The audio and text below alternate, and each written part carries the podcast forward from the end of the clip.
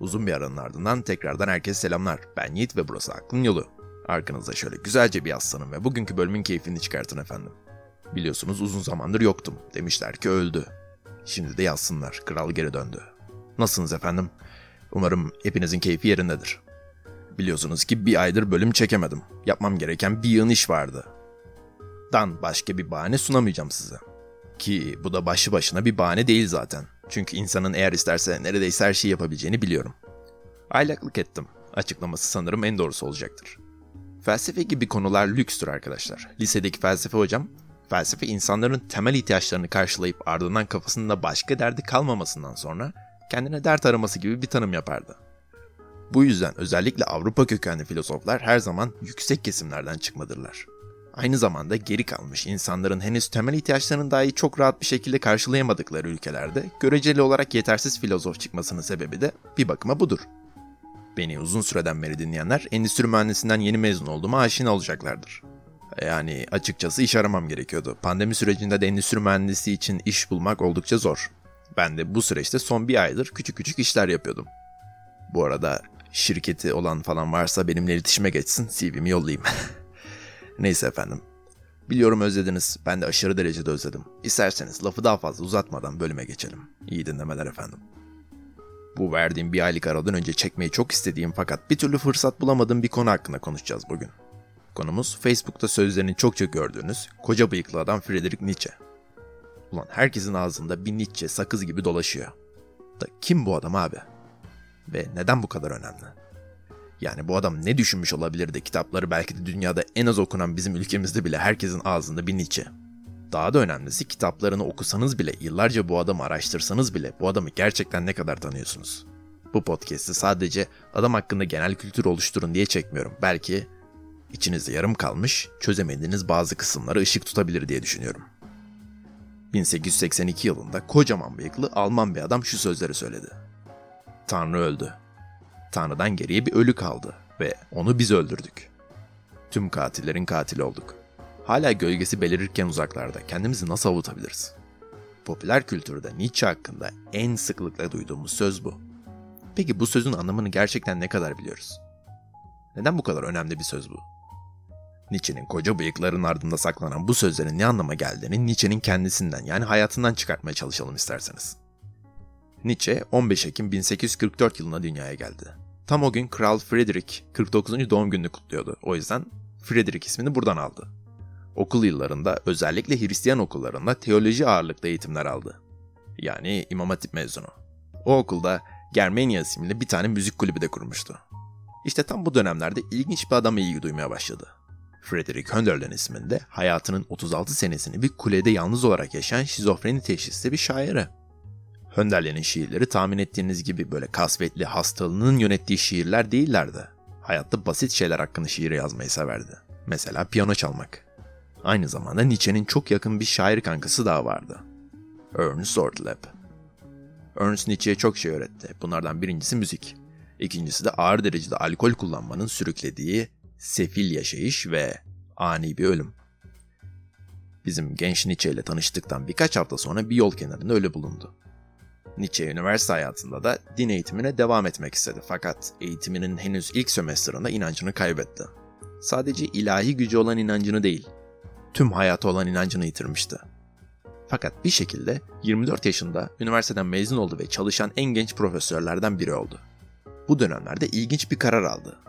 Vatandaşlığını iptal ettirdi. Hayatının sonuna kadar hiçbir ülkenin vatandaşı olmadan yaşamaya devam etti.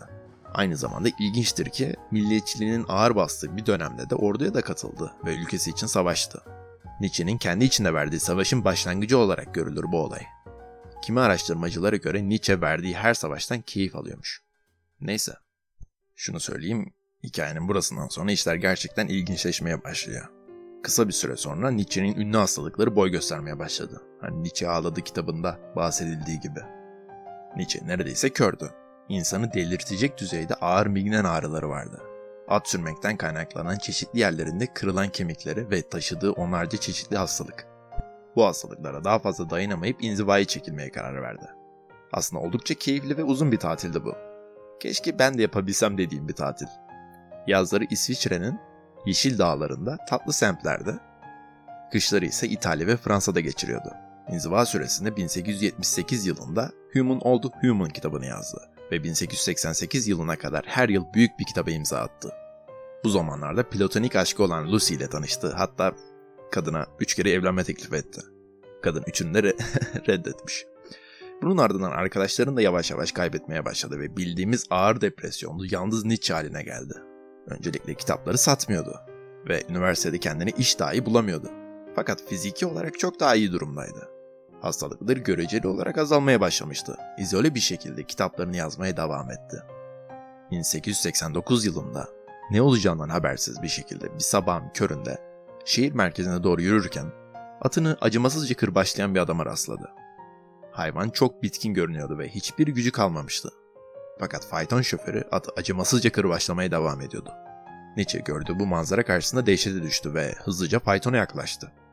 Sürücüyü sert bir şekilde kınadıktan sonra Nietzsche yere çöken ata yaklaştı, sarıldı ve ağlamaya başladı. Görgü tanıklarının Nietzsche'nin ata birkaç şey fısıldadığını fakat son söylediği söz hariç anlayamadıklarını söyledi. Nietzsche'nin ata fısıldadığı son cümle, anne ben bir aptalım olmuştu. Nietzsche tüm insanlar adına attan özür diliyordu. O at gerçek anlamda iletişim kurduğu son canlı olmuştu Nietzsche'nin. Tam o sırada bilincini kaybetti ve zihni sonsuza kadar sürecek bir değişime uğradı. Şunu söylemek istiyorum. Nietzsche delirdi. Olaydan sonra 10 yıl boyunca öldüğü güne kadar hiç kimseyle konuşmadı ve 1990 yılında sefil bir şekilde öldü. Her kim bir canavarla çarpışmayı göze alırsa bir canavar olmayı da göze alsın. Çünkü karanlığa uzun süre bakarsanız karanlık da sizin içinize bakmaya başlar. Peki şimdi gelin felsefe konuşalım biraz. Bu sefil yaşantıda nasıl bir fikir çıkabilir diye merak ediyor insan. İlk önce Nietzsche'nin ilk ve ilk felsefesi skeptisizm yani şüphecilikti. Sadece Tanrı'ya veya geçmiş filozoflara şüpheyle yaklaşmakla kalmamış ahlak felsefesinin en büyük sorunlarından biri olan iyi ve kötünün evrensel kavramları üzerinde aşırı derecede kafa yormuştur. O zamanlar ahlak değerleri sadece insana mal ediliyordu. Fakat Nietzsche bu konuda oldukça iddialı bir şekilde ahlakın dinden geldiğini savunuyordu. Doğal olarak Tanrı yani dini reddedince ahlaki değerler konusunda da bir açıklama yapmak zorunda kaldı ve kendi felsefesini oluşturdu. İşte tam bu zamanlarda tabii ki de evrim teorisinin gitgide güçlenmesinin ardından Nietzsche şunu anlattı. Hristiyan Tanrı inanılmazdır. Yani inanılmaz derken bildiğimiz inanılmaz değil. Yani kelimenin tam anlamıyla inanılmaz. Yani inanması güç. Etrafımızda ki her şey inanç üzerine şekillenmiş. Onunla beraber şekillenmeye devam etmekte. Ve Avrupa'da bilinen ahlak anlayışı da bu inancın üzerine şekillenmiş bir algıdır. Hristiyanlığın parçalanacağı ve yerle bir olacağı gibi bildiğimiz ahlak algısının da yerle bir olması kaçınılmazdır. Nietzsche modern insanın benimsediği değerlerin geleneksel dayanıklıklarının çöktüğünü söyler. Bu nedenle eski değerler bırakılıp bütün değerler yeniden kurulmalıdır ona göre. Bunu yapacak olan kişi de üstün insandır. İnsanlar değer yaratabildikleri ölçüde üstün insan olarak özgürlerdir. Ona göre insanlar güçlüler ve zayıflar olarak ikiye ayrılırlar. Ve egemen olan ahlakı belirleyen şey bireyin güçlü veya zayıf olması durumudur. Mevcut bulunan bilinen ahlak sistemini zayıf insanlar oluşturmuştur ve bu ahlak sistemi köle ahlakıdır. Köle ahlakı dediğimiz şey insanların zayıflıklarını ön plana çıkartan ahlaktır. Köleler gerçek yaşamdaki güçsüzlüklerini unutmak için bir ideale veya bir kurmaca bir tanrıya gerek duyarlar. Ama işte fakir olduğu gibi zenginler de var ve bu ahlakın karşısında güçlü insanların oluşturduğu efendi ahlakı diye bir şey vardır.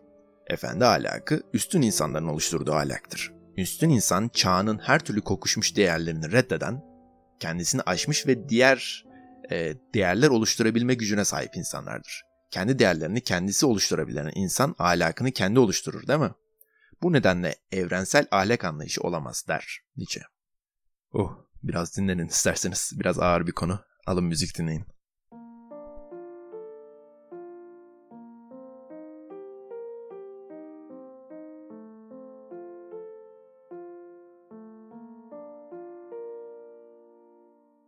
Üç İstenci kitabında belirttiği üzere Nietzsche, nihilizmi sonuna kadar yaşamış ve onu aşmıştır. Ona göre nihilizm aşılması gereken bir şeydir. Yani bunu söylerse insanlar da şunu sorar. Peki Nietzsche, nihilizm nasıl aşılır? Bu soruya Nietzsche tarafından verilen cevap şöyledir. Bizler doğadaki tüm ahlakı reddetmiyoruz, yanlış anlamayın. ahlakın evrensel olduğu iddiasını reddediyoruz ve bir ahlak kuralını reddederken veya kabul ederken onun hayatı geliştirici mi yoksa engelleyici mi olduğuna bakıyoruz der.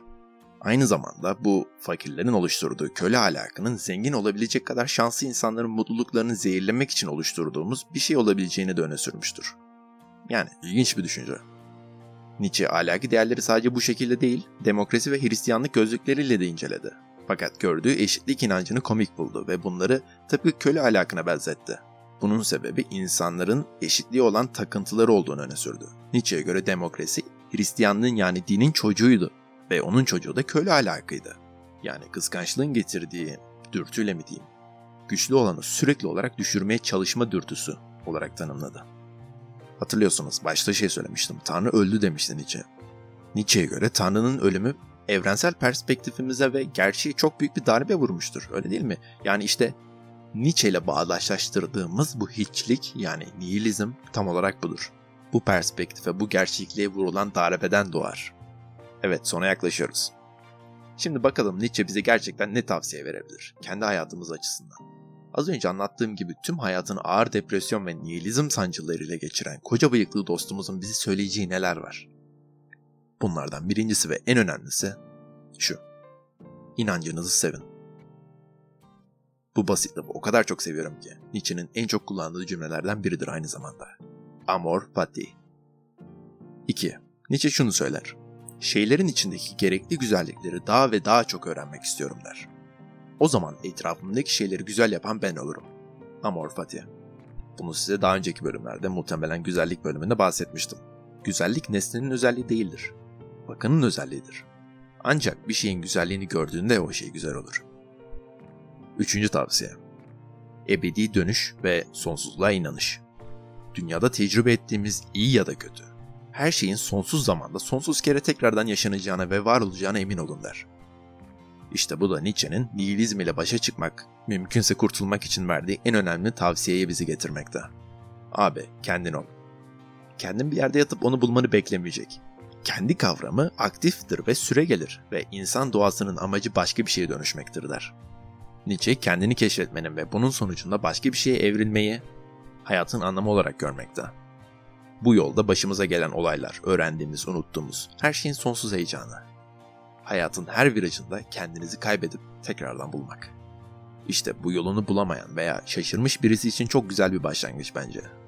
Diyor ki bir şey yap, bir yere git bak bakalım ne olacak.